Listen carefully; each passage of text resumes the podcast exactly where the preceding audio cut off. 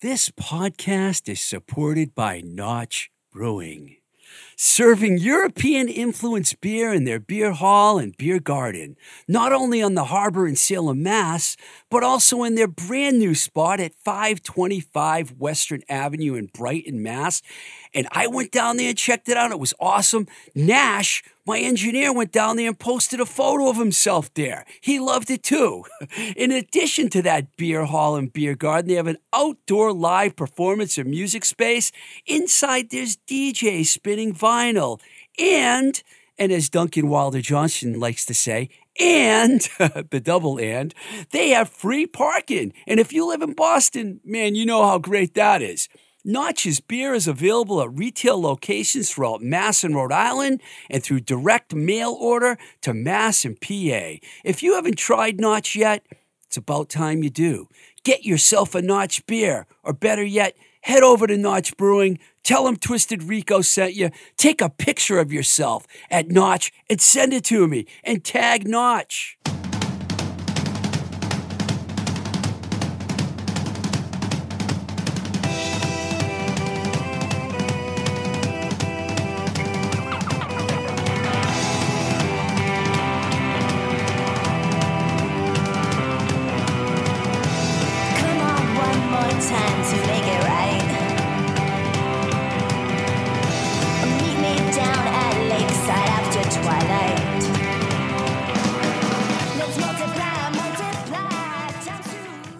Buzzing this week, baby. Welcome to Blowing Smoke with Twisted Rico. I'm your host, Steve Ricardo, and it's a great pleasure to be back once again to bring you the rock and roll goods. And this week we have one of the great Boston rock and rollers on the show, John Butcher, guitar virtuoso, great songwriter, and a real nice guy who I've seen perform many times, including when he was in the band Joanna Wild, one of his very first, in fact, his first band. I talked to John about this in the interview. When I was only 17 years old, I was working as a barback at the Penthouse in Leicester, Massachusetts. I got my real first taste of original rock and roll. I saw bands like the incredible two man band, which included Ronnie Stewart, who ended up in the Joe Perry Project. Saw a band called Ice, Pretty Poison, Albatross mostly hard rock bands. And that's when I first got to see John Butcher do his thing. It was incredible. This girl I knew, Debbie Carlson, she was the older sister of a friend of mine, Bobby's. And she asked us one day if we wanted jobs as barbacks to work in a bar that had live original music. And that's when my rock and roll journey started and my desire to work with bands and led me to book shows at Quinsigamond Community College and then become the music director at WDJM, a station you hear me talk about all the time. It's funny because when John Bianelli, Aerosmith's tour manager, was on the show, he said to me, You talk about the neighborhoods and you play them all the time. Well, I feel the same about WDJM and the Penthouse. Those early bands that influenced me resulted in me buying a one way ticket to Los Angeles to pursue a career in the music business, which is um, unfortunately no longer existent. but when you're young and brave, you know, and you want to pursue a dream, you buy that one way ticket. And that's what I did. So, um, as I promised in the last show, I get a lot of emails, and I wanted to bring up another email that I got that I thought was interesting because I get a lot of questions, but some of them I don't know how to answer. Some of them I like to answer privately, some publicly. So um, here's one that I really liked. If you had to pick one band from the 90s to see again, who would it be? Of course, that's a really difficult question because the 90s were a huge decade for record sales and concerts, and there were so many great bands. And I feel like I did get to see a lot of the great bands from the 90s that I wanted to see. There was one I didn't see, though. So I'm going to talk about that band. Um, being a huge fan of women in rock, I did get to see a lot of great ones from that era, but one that I did not get to see was Seven Year Bitch from Seattle. Three albums, a seven year run, a great bass player in Elizabeth Davis. Selene Vigil, Vigil, excuse me, was a great singer. Valerie Agnew on drums, and of course, Roisin Dunn on guitar. Their 1996 album, Gato Negro, was probably their most well known. But for me, Viva Zapata, which came out in 1994, which was named after their good friend Mia Zapata, the singer of the Gits, who was tragically murdered. Sad story, man. I've talked about this before. It's one of the sad stories in rock and roll history. The Gits were on their way becoming to becoming a great band, and unfortunately, Mia Zapata was murdered. They did find the person that killed her like 20 years later. They finally solved it. And it was getting back to Seven Year Bitch. They were a fantastic band, and I highly recommend you check them out. They were definitely one of the gems of the 90s, and that was a great question, and I really appreciate it. And, you know, there were, you know, the 70s and the 80s were decades of music I liked better, but I'm not going to say the 90s weren't great, too, because there were a lot of great bands in the 90s. I worked at A&M most of the 90s, and I got to see a lot of them. So, um, had to bring that up. Um, all right. Let's listen to one of John Butcher's newer songs. Before we play the interview, he told us about this song in the interview. The blues had a baby and they named it rock and roll. And this one is called Devil's Train from John Butcher.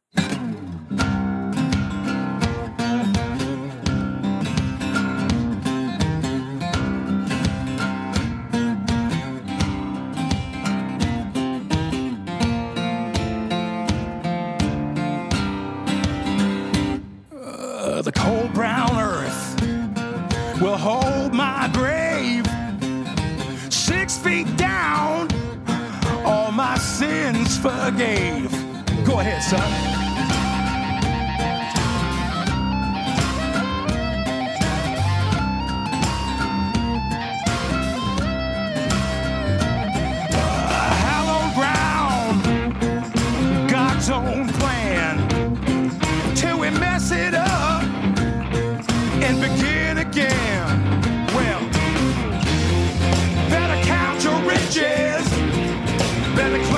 Your fame.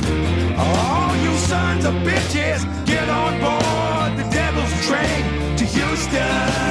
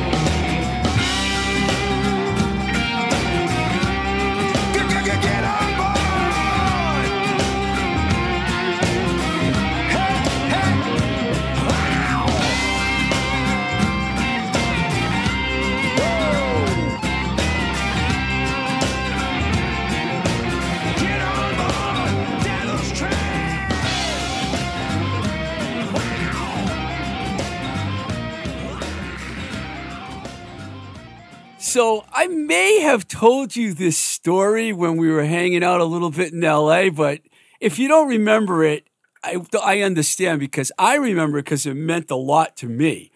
Because I was working as a barback at the Penthouse in Leicester. Yeah. And it was 1977, and I was a teenager, and a friend of mine got me a job there. And Pretty Poison was supposed to play, and they canceled. Yeah. And so I'm there, and I'm all bummed out because I liked Pretty Poison. I'd seen them before. Yeah. And there's some band named Joanna Wiles on the bill. Oh, boy. So I didn't know what to expect, and all of a sudden, you guys played. and Uh, yeah, I fucking rocked my skull, man. dude those those days were uh, amazing for me because they were formative right i was just kind of figuring out who i was and who i wanted to be when i grew up and and and and what it meant to be uh, a black man playing rock you know i didn't I didn't frame it that way at the time because I'm just doing my thing and, Right. and and rolling down the road. But I realize now with perspective that that's what I was doing. I was I was really figuring out what I wanted to be and how I wanted to do it. And Johanna Wild was the perfect vehicle for that. You know, we were playing uh, we were playing uh, uh, uh, uh, classic rock at the time when uh, it was still a cool thing to do and and I was all of my stuff is rooted in blues. So all of those things were were were combining and and and forming what would be my career. It, the funny thing is, uh, I had just seen Queen and Thin Lizzy together in concert Yeah. right before that. And that's the first time I ever saw a black guy other than Jimi Hendrix playing rock and roll. So Well, when I saw you, exactly. I was like, wow. Yeah, yeah. Well, I was saying the same thing. you know, I have to be honest with you. I, I took a lot for granted, meaning I just assumed that me playing guitar and singing wasn't a big deal. Everybody else was doing it. Yeah. The other my bandmates were doing it, so I didn't see myself as special or anything standout. It wasn't until later that you know we started to get resistance at at some uh, record companies, and you know uh, what do we do with this guy? Uh, we can't figure out what to, what what, what do we do? Come to my show, see how the, the the kids react, and you'll know exactly what it is. We're But- definitely going to get into that. We're Yeah. definitely going to get into that. And then, of course, the I think the last time I saw you play was at the. It's ironic. Was at the Jimmy D'Angelo, who was in Pretty Poison Yeah. tribute show. Yeah. At the Hanover Theater. I know you know Jimmy, and I Oh, yeah. Mm-hmm. we're friends with him, and he's no longer with us, which is sad to bring it up. But you played with Charlie Farren that night, and you also jammed with August. That was fantastic. That was a great show, and that venue, by the way, is fantastic.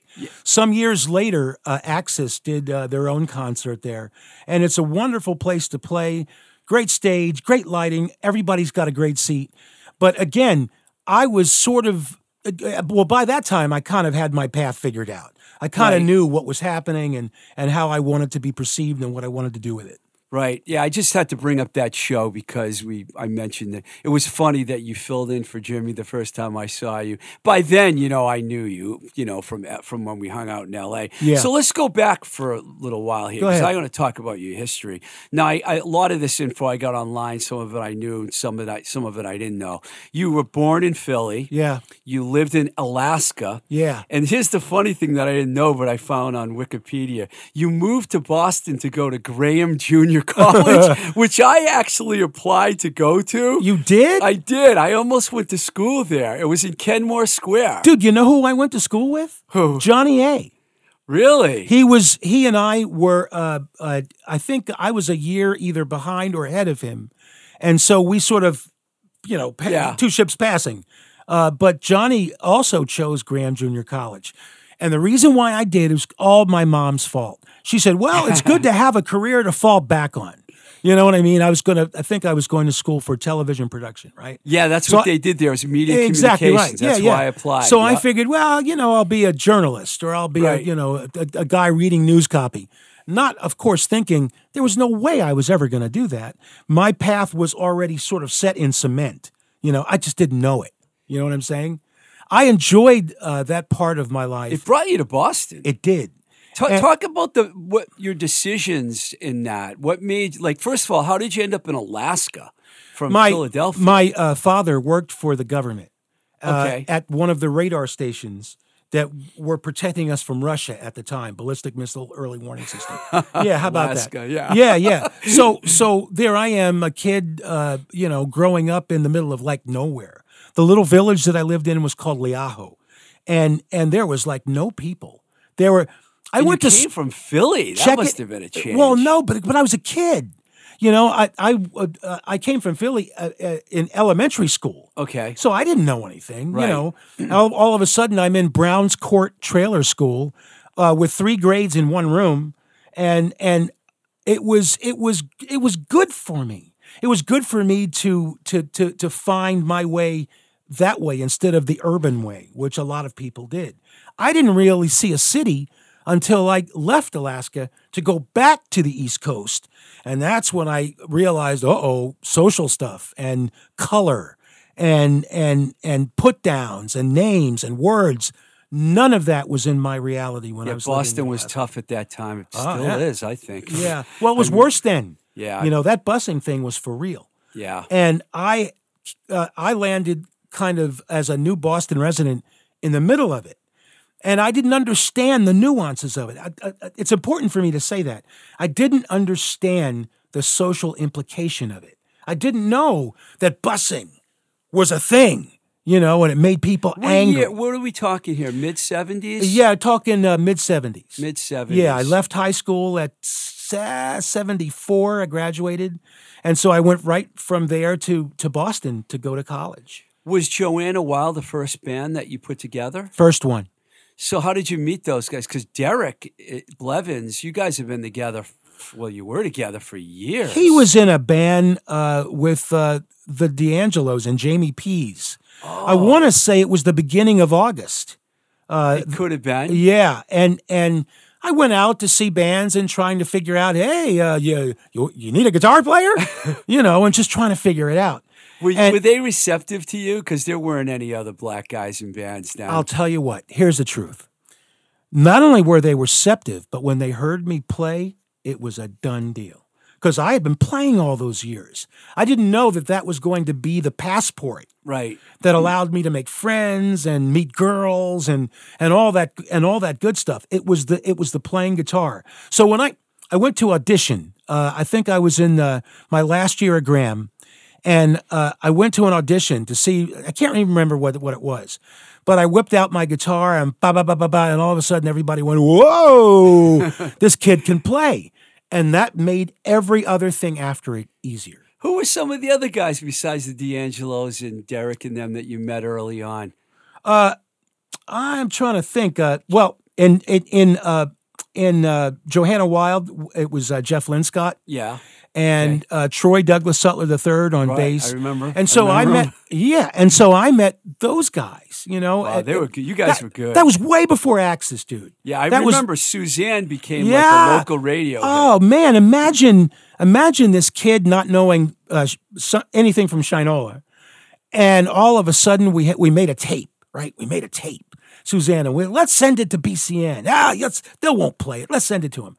They added it to their regular rotation, and bang, I was off. Yeah, we were you- off and running from that point on, and I never looked back because it was one sort of event and a stroke of luck and timing one after another. But that first tape that I sent to uh, Max Sartori at uh, at BCN, Oh, yeah, Max, yeah. yeah, Wow, that's that that was huge. We so ha- she's the one that dug it. yeah, she dug it in a big way, and uh, and she came to see us play somewhere. It might have been the Rat, right? And I knew that was I, I- I felt it. You know, you feel something. It felt different. It felt like something was happening, and I didn't know what success looked like for me yet. So you played? Did you play the Rat a lot around that time? Oh, a few times, yeah. So did Johnny A. Yeah. You know, so did a bunch of guys, Nervous Eaters, and yeah, a bunch oh, so of bands. you played with all those bands. oh yeah, I was right in the middle of that. Wow, that's fantastic. you know, before it turned completely punk, right? I had Mark Bell on the show at Thundertrain. You know, he talked about those days because you guys are around the same age. He I was think. great. Yeah. You should have seen him back then. Yeah. All uh, all of the energy. I compare uh, Boston in those days to what London was. You know, in a very small area, you had all kinds of talent, all kinds of venues to play, all sorts of opportunities to get fan, make fans. and and so that beginning was really what I credit to to, to bringing me to Axis and et cetera, et cetera. Now, I don't know how this happened, so you can fill in some of the blanks, but somehow, I guess this is already John Butcher Axis.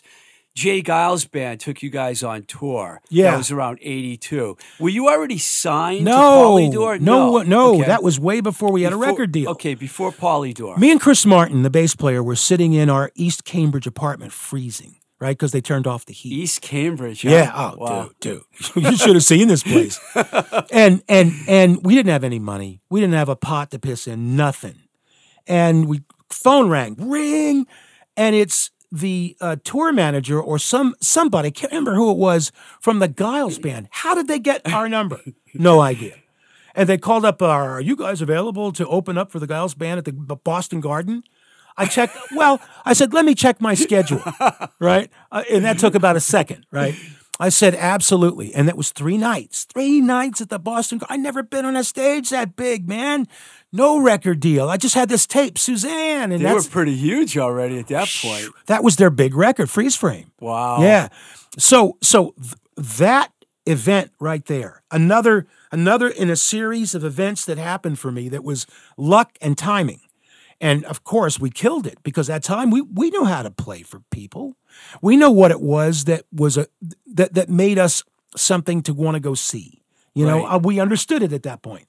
We didn't know from the big time, but we knew exactly how to how to turn people on who came to the Rat or that came to Katie's, Katie's, Katie's. right? Or any of the That was one of the original hard yeah, rock uh, clubs or any of the other number of places that there were for an original band. to That play. was like right across the street. Literally the Rat, across the street, Yeah. yeah. Cel- it became celebration. So we knew how to do that. Yeah. And so when they called, we were ready. we were ready. Now I didn't know what was going to happen. I was scared knobless. What did the crowd think of you guys? they went crazy. I had no idea. I said to Peter Wolf before one, the first show, I said, uh, Peter, I, I, I'm scared. you know, because what if they throw things? You know what he said to me? He goes, stay low. You know, don't stand up too straight. Run around a lot and do what you do. That's exactly what he said. And and and it was just like that. By, So- by the end of that show, we knew we were we were off and running And then Polydor, Dor came along. after the okay, so those three gigs at the Boston Garden turned into 72 dates Wow. with the Geils Band touring around the country. Wow. After that, when we came home from that, we had record offers. How know, did you end up picking Polydor? Um, we had a manager by the name of Noah Love who used to work with Aerosmith. And we thought, well, this guy must know what he's doing. Aerosmith are very successful. He must know what he was doing. We found out something else later. But at the time, he said, well, I think Polydor is your best bet. And it was because they gave us a big advance, of which he took a large portion of, right? Yeah, of So that was his motivation Right. to have us start at Polygram. That first self-titled record was great. Ocean in Motion, Life, Life Takes a Life. If I get anything wrong, correct me. If I, I also read that you toured with, this is amazing, Rush, Def Leppard, and the Scorpions. Yeah. I mean, those are three huge, enormous bands. Yeah. uh, was that America or Europe? Or no, that was America. all American tours. Yeah, exactly. And and uh, the Def Leppard tour was amazing. Those guys were really friendly with us, and we were hanging out together. And label mates too, right? They were in yeah, yeah, and Graham and and more than that, though, they embraced us. I think they liked having us open their shows, right? Because we were like, I was I was a wild man at the time. I'm throwing a guitar over here and catching it over there, and and doing all that stuff. And so we got along really well, and they gave us. Uh, how, how much of the the, the the the lighting truss do you need? Ah, we'll give it all to you.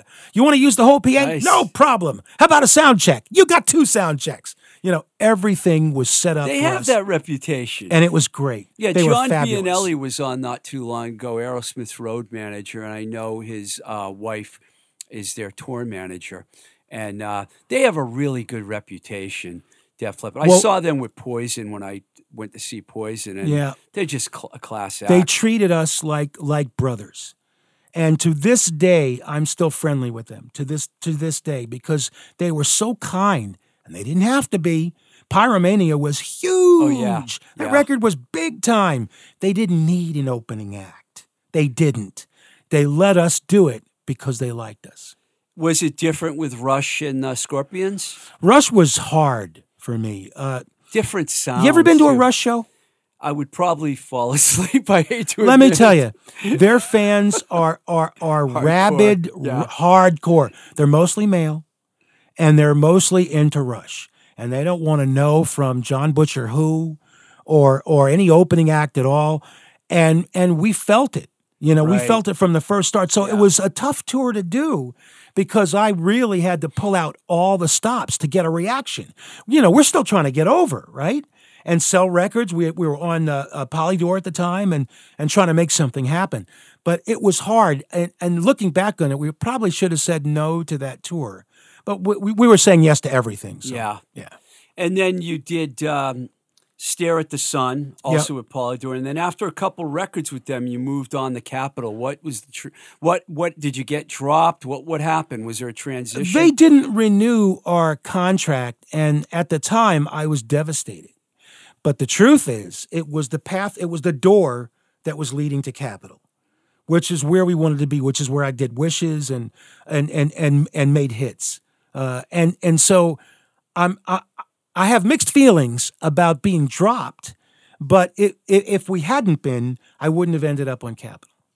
and uh, you you did get a Grammy nomination Yeah. uh, uh, along the Access, The Ritual, yep. songwriting, right? Yeah. And for the Sentinel too. Both. Two Grammy Yeah. nominations. Uh huh. And and ag- again, it was just now. There's another event, right time, right place. You know, because those are the things that that give you gravitas and tell uh, other business people these guys are serious. Yeah, I know you were with them for for several records. I Yeah. mean, you must have had some real support at the label. I did. I did. Uh, we recorded at a studio called Pasha in, Oh, yeah, in yeah, yeah, California. famous place. Yeah, in Los Angeles. And and uh, Carol Peters was Mm-hmm. the vice president of of Pasha at the time, and she was a sweetheart, and she treated us like her sons. You know, so we got really, we were treated well and got a chance to do the records we wanted to make, and and actually, that was the beginning of me producing my own stuff which is what I should have done for the first two records on Polydor.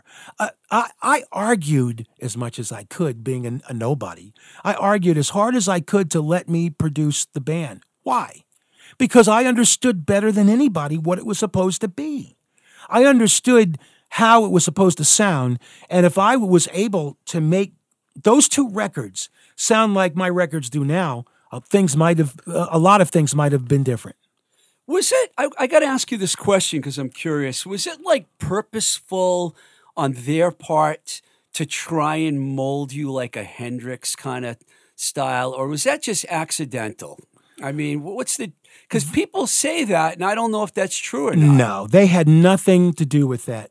Frankly, because b- being a, a black man playing rock guitar, they had very few who's he like uh, comparison. Who do we compare? How do we uh, make sense of it? So from that standpoint, they were happy for the comparisons, not me. You know, I realized I wasn't ever going to be Jimi Hendrix. because you you're not you're a great guitar. Jimi player, Hendrix is Jimi diff- Hendrix. Yeah, it's a completely yeah, different thing. yeah, and and I don't write. Uh, that is not my writing you're more of a mainstream writer. I think so. in a lot of ways. In a lot of ways. based also. You know, And, and and so the way I see that now, as I look back on it, is it was laziness.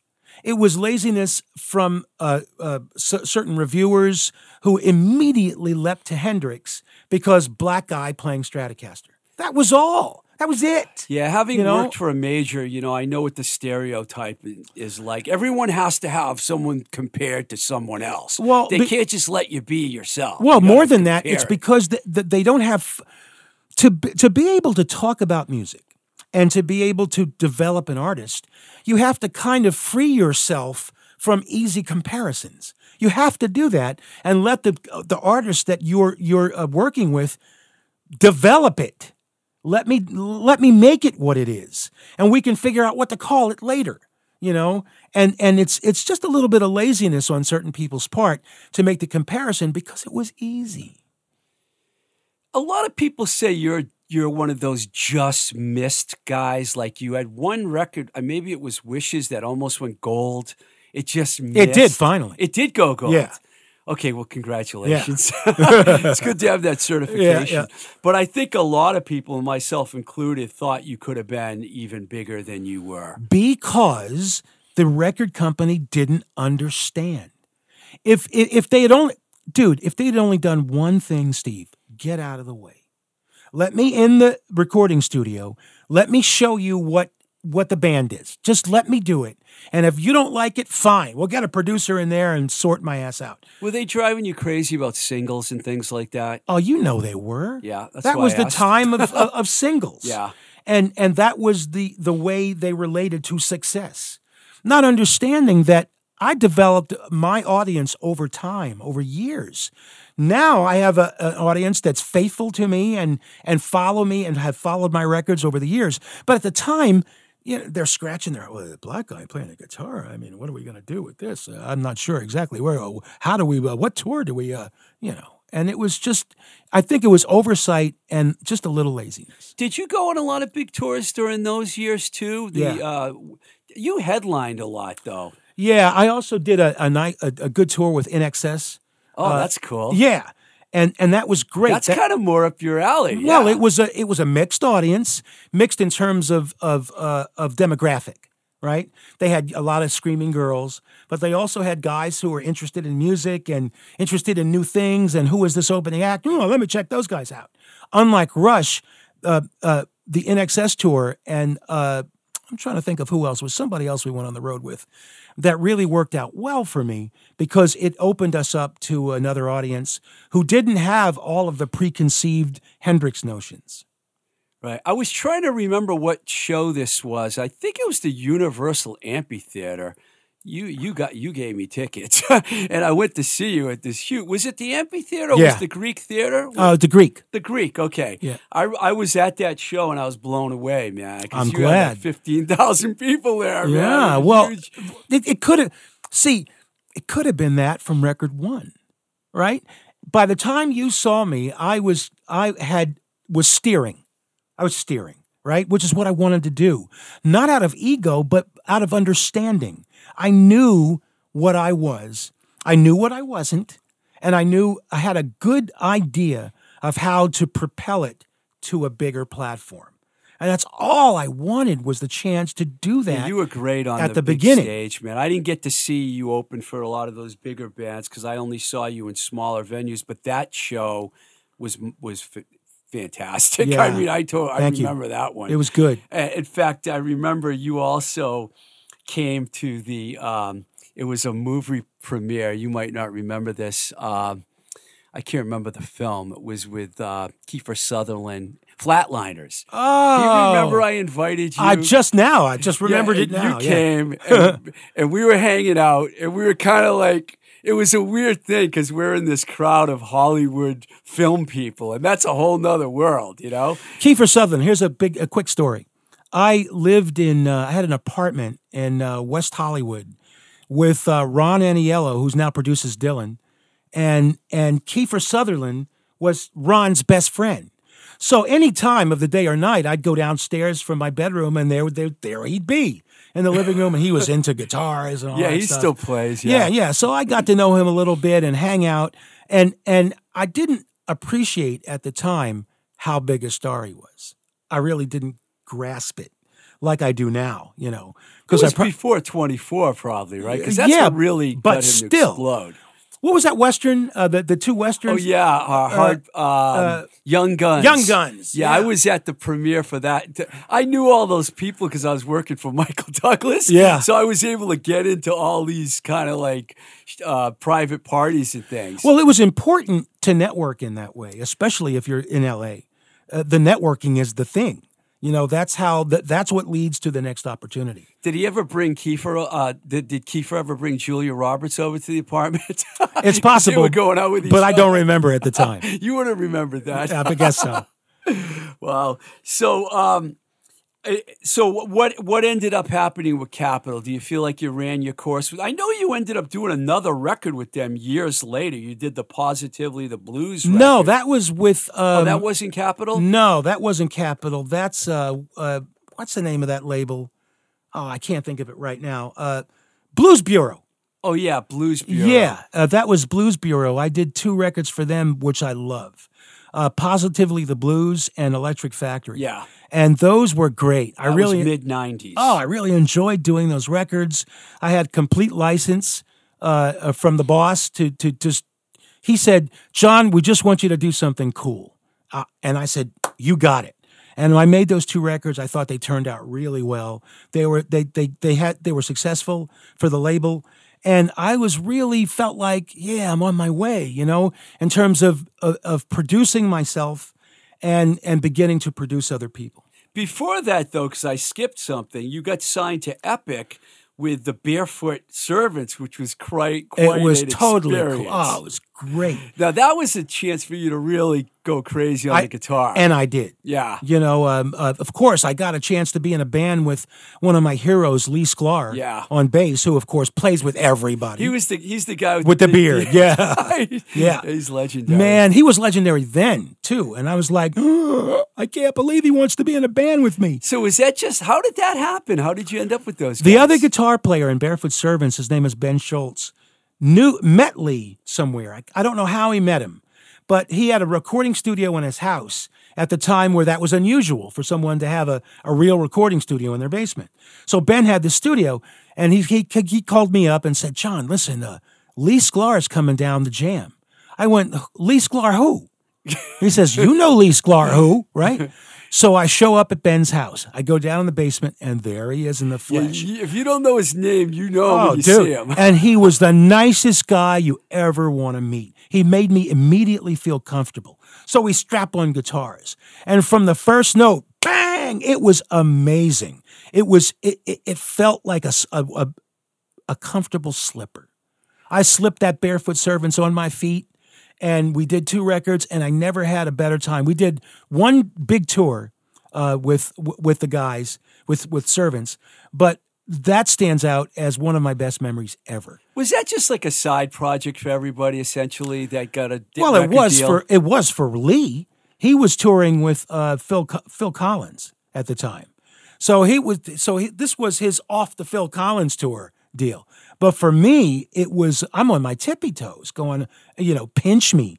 Is this really happening? Am I on stage with this guy who's played with everybody in the world? But the but the music, the the listen to those servants, uh, the first Servants album, it stands up right now. It's it's ass kicking. Did did they have a deal in place already with Epic, or did you guys record and then? No, Epic no. picked you up? Well, we recorded uh, most of the record at Ben's house, right. and and and uh, we got a guy, Michael Frondelli, uh, involved who really dug it, and he was responsible for pulling all the dots together. Uh, that was I had to mention that. And that was before positively. Yeah, I'm glad you did because those are those are some of my best memories of being a, a professional musician. You know about you know a lot about major labels because you've been on several of Yeah. them. Uh, the best of John Butcher record on um, Razor and Tie Records. Yeah. they licensed all the stuff from Capitol and Polydor to That's exactly that what happened. Yeah. Uh, how, how did I mean? You, did you tour on that record?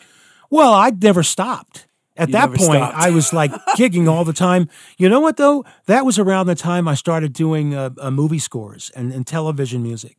Uh, and and so when I wasn't doing that, I was looking to play. Talk a little about that. What kind of stuff did you do with television? And I did music for The Sopranos. I Oh, you did, did? I did music uh, uh, for uh, uh, Deadwood uh, for HBO and a bunch of uh, Star Trek: The Next Adventure. I mean, I was everywhere.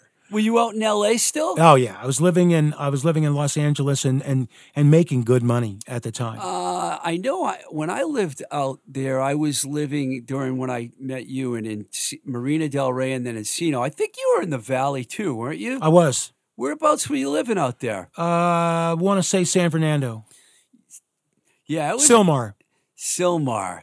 Yeah, it was a really interesting time when we were out there in the Valley. Did you like it?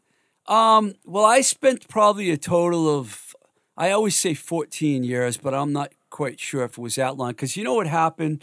A and M. First, I went to New York with one company. Then A and M. I'm there with, for four years. They sent me to New York. It was like you kept getting, I kept getting back and forth from Yeah. L.A. to New York. I like both L.A. and New York. I'd have to give that a yes, John, and say yes, I did. I- I had- a lot of people don't like the Valley, but I thought Sherman Oaks was fantastic. I thought it was great. Yeah. I liked the Valley very much. Sherman Oaks, especially Ventura Boulevard. I used to love just Jerry's Deli and And at the time, dude, it, it I I began to understand. You know what? I decided after Axis broke up that I needed to do something different.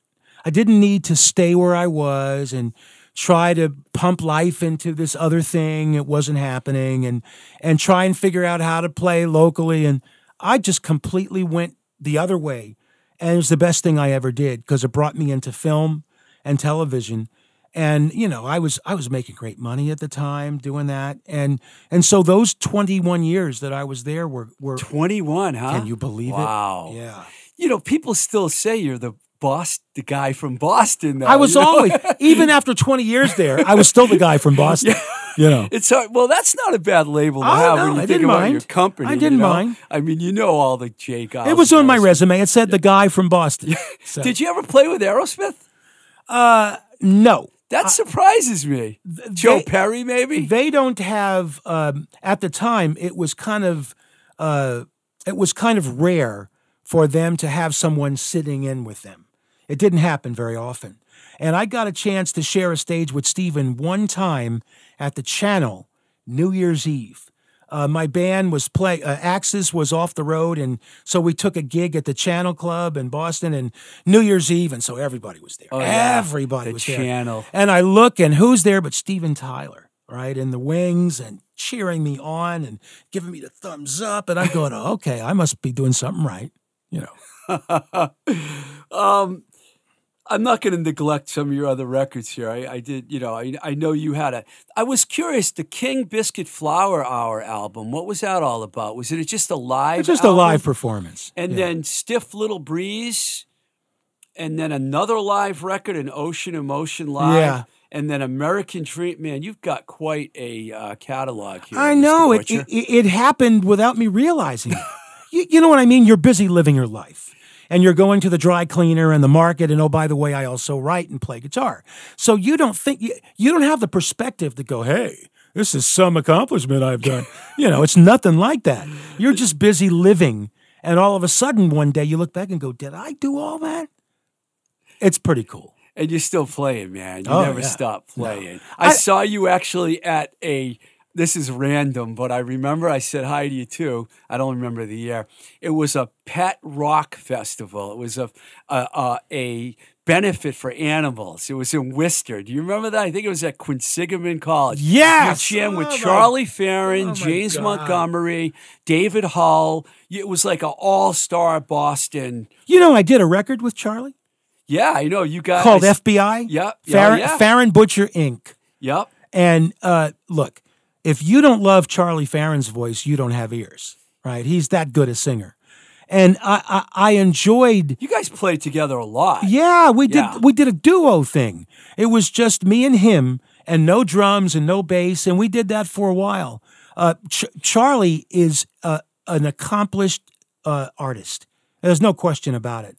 And I enjoyed doing that record uh, with him. And more than anything, I enjoyed watching him work because he knew how to work an audience, and he knew how to do all that all that sort of stuff that a lot of people take for granted. He was good at it. I saw his early bands too. Uh, the Enemy, him and Farrenheit. Hill, Yeah, Farrenheit. yeah. The Balloon was he yeah, in Balloon? he as was well? indeed. Yeah, Yeah, so those Boston, you guys are kind of like kind of followed the same path, except he didn't have as much luck with major labels, unfortunately. No, and I also did a lot more. I uh, I- I did a lot more TV and movie music uh, than a lot of people I know. I, I, timing again, right place, timing. Now, before you came on, I played a song. Uh, you sent me some tracks. I actually knew these songs. Um, I played uh, Devil's Train. Uh-huh. Now, was that from the 360 Degrees record? No, that's from my new album, which I just released in June. Which, by the way, is doing smashingly right now. I apologize for not knowing that. Uh, Oh, that's okay. The album is the album is called Special Day, Okay. and and uh, Devil's Train is the first song on the record. Great blues. Oh, I love Who's it. Who's playing harmonica on that? Oh, so glad you brought that up. That's my buddy Glenn Bowie, who Nice who name. who wrote, who helped me write the song, and we got to be pals. And uh, I, I I knew I was going to do a video, so I said to Glenn, uh, "Any interest in playing harmonica on this?" And he, he was, of course, excited to do it. And we are best buddies to this very minute. I can't remember exactly. I think you said "young man, take it, young man." That was so cool. And then he just ripped. He At just rips I was it. like, "Is that James Montgomery?" Because I didn't know who No, was. that's you know? that's my buddy Glenn Bowie. well, good for him. man. Yes, he rocked he out he, he is a he is a poet by occupation, and we got to be pals. And he wrote some lyrics uh, for me for uh, a couple of lines uh, in um, in Devil's Train and a couple other songs on the record. The record again is called Special Day. Yeah, I can't keep track of all your records. I know, neither can I. 360 degrees was the last one that It's- I had. that was the one list. before That's just Special two Day. years ago. or Two years ago, right? yeah. Um, did the pandemic really mess with your head, Yes, yeah. But you know what I did with it? This is what I did. or is it still messing with your head? I once I once I realized that we weren't going to play, that there was going to be no live gigs, right? At first, if you if you remember at the beginning of it, it was like, oh wow, we this might might shut things down for a couple of weeks. yeah, You know, a couple of weeks might happen, maybe three weeks. Three weeks, of course, turned into three months, which turned into a year, right? But nobody knew it at the time. So what I decided to do is make this record special day. I went into my studio uh, and and just started recording. It was something that made me feel good, and uh, you know, it, it it it gave my life a shape and purpose at a time when I had to shed all of the live work, all of it, all of that live gigs that we had lined up, all going down the tubes. Did you build a studio in your house? No, uh, there's a there's a room in uh, Gloucester where I live uh, called Bang a Song, and uh, uh, my buddy Tony uh, uh, Goddess owns the place. Tony Goddess. Do you I know him? Tony, yeah. Tony Goddess Oh, yeah. uh, owns He's a good Song, guy. but he lets me have the, the the run of the place. Bless his heart. And so I spend a lot I of my didn't know you guys worked together. That's Oh, yeah. fantastic. He's my buddy, Yeah, and so he- he lets me go in and you know do my thing, and that's what I do. Well, Gloucester's kind of an unusual place. I wouldn't expect that you would tell me that that's where you're living. Here's a surprise then. Gloucester is an artist community like you read about. Painters, sculptors, photographers, and a bunch of musicians. And a few fishermen. Yeah, that too. yes. It's a great place that's that's like a destination. But there are so many artists there. It's it's it's difficult not to get be creative. You know, I love living there. Love it. Well, I'm glad you're back here in New England because I was I last I you know well I saw you at the you know at the Jimmy D show, but I didn't know if you were living here or California or or where. But you're you know even though you're not from here originally, you're definitely a Boston guy, as we mentioned. I think of myself that way. Yeah. Whenever I talk to anybody in the world, I tell them I'm a Boston guitarist, you know, because that's what I am. That's what I am in my heart, and that's what I am in reality. You know, I, I started here, I'm back here. This is where I always belong. Do you think you'll be hitting the road again once we get through this mess? We started some gigs already. Um, I had a couple of great shows at uh, a couple of the, of the uh, local venues uh, already. Uh, I did the uh, I did a couple of outdoor shows too, which allowed for social distancing. Right. So those were really successful. But what I'm really looking forward to do is tour again, meaning not just play regionally, but be able to play across the country and uh, and and into Europe. And this is a bad time for that now. Yeah, it is. especially the South. Well, the sub, the, you know, the Delta variant is wreaking havoc on all it, on all of us. Yeah. all of those people who didn't get the vaccine, who thought whatever they thought, made it so that now instead of us being back in in, in strength, it's still iffy. You know, promoters are a little nervous about about booking shows, and and so the shows that I have that I'm doing now, for instance, on October 9th, I'm doing a show uh, with my uh, dear friend Jim Terabasi, uh, Rock for Bene- for Veterans That's a good um, cause. at Kowloon. It's an outdoor. sh- Kowloon. It's I an outdoor show, outdoors, yeah, right in their huge parking lot, Yeah, and yeah. they set up production and a up on the hill. Yeah, that's October 9th. Uh, I'm doing that uh, with with with my with my uh, music brothers, and it's an opportunity. Maybe who knows? Maybe the last one I'll have for a while. Sal Baglio. Sal Baglio and I are sharing the stage. Yeah, That's from the Stompers. he's my buddy. Yeah. he's my brother. Yeah, that's another guy that's been doing this for a long time, man. Yeah. we realized both. I talked to Sal, and we realized it's not about choice anymore. It's baked into the cake. This is who we are. This is this is it. So I, I, it's too late for me to find another occupation. You know, I'm I, I'll be doing this until I'm I'm doing nothing at all. You know, and and I, I I'm happy about it. Uh, maybe I should have you know stayed at Graham Junior College and you know d- kept with the TV production uh, uh, TV production. I don't know, but it's As too. long as your mom was happy that you decided to be a she came star. to see me at the Boston Garden Ooh. and saw everybody around 10,000 people around there going, John! so she knew then, well, I guess you did the right thing. Yeah. Uh, before you go, I just want to ask you: Do you listen to a lot of new music, or do you find yourself listening to a lot of older bands, or what? What's on your turntable, man? Boy, that's a tough one. Um, what I like is blues. I listen to all facets of it, you know, uh, from Keb Mo uh, uh, to to Jeff Beck. All of it to me is sort of blues based. Yeah. So that's what I listen to. That's where my heart is. Now, in terms of new music, in terms of bands, I don't know, probably not so much. I don't listen to the radio at all unless I have classical music on in my car. Uh, so, what I draw inspiration from and what turns me on and gives me the energy is is blues. Uh, there are, are are there any new blues artists? You know, I'm not. well, they're su- trying, but yeah, you know.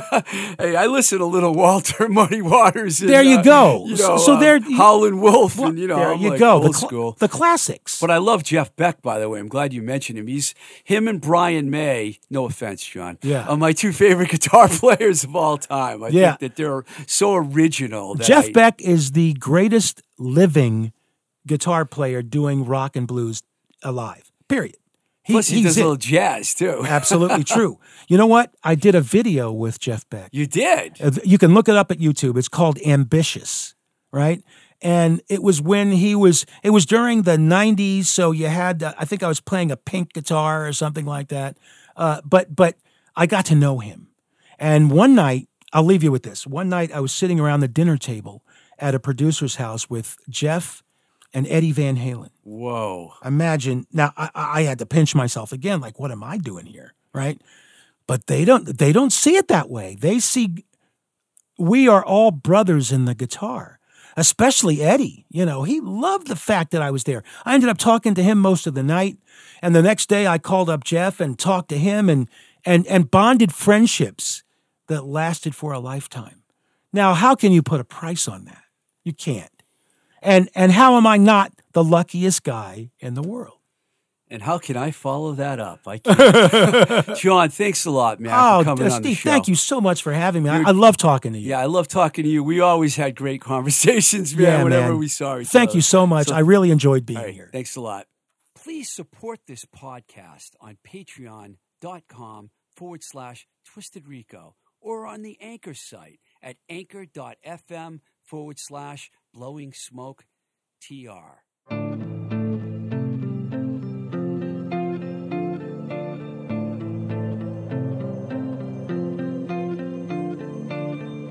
I was fighting for air, adrift in space, passing for human, leaving no human trace. It's all familiar.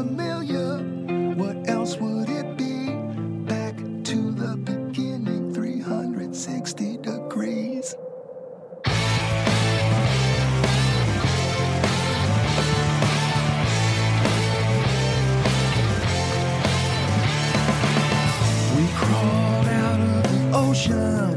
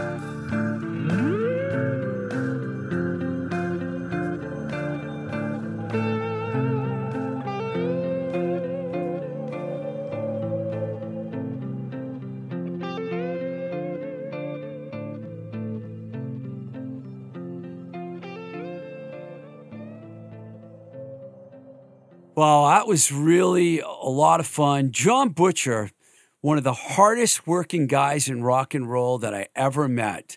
And I remember talking to Jimmy D'Angelo about him many times. He told me how much he admired John. And John, to hear John admire Jimmy D and play his tribute show. And of course, our friend Jimmy's no longer with us. So I'm glad we got that in the interview.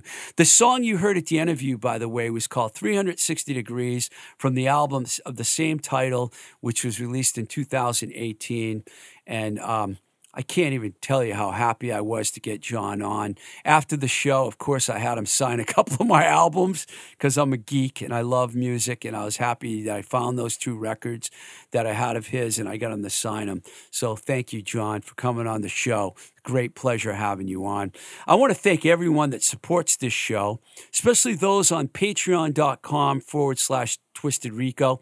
As I mentioned last time, you can also support this podcast on Anchor, which is uh, which some of you have done. The address for that site is anchor.fm forward slash blowing smoke tr. Uh, which is actually the official website for the podcast. So please check that out and please support us, man. We really appreciate it when you do. Uh, write me at twistedrico at gmail.com. Can find me also at Blowing Smoke with TR and at Blowing Smoke on Twitter. Also have a Facebook page and a YouTube page. Thanks again to Mike Nash here at Voice Motel in Somerville for engineering the show, doing a great job as usual. Um, Mike's working on a bunch of different shows, including uh, Seems to Me with Sibylline Sariano, which I co host. All these shows can be heard on Apple, Spotify, Anchor, Google, Breaker, etc. So check them all out. You can go back and listen to the old shows too. And I love when people tell me they go back and listen. Matter of fact, you need to listen to all 110 shows, every single one of them. Okay. And till the next time we say goodbye, which is a line I stole from a Rolling Stones song if you haven't figured it out yet. This is Blowing Smoke with Twisted Rico. I'm your host, Steve Ricardo. Keep the rock and roll alive. Take it away, Charms.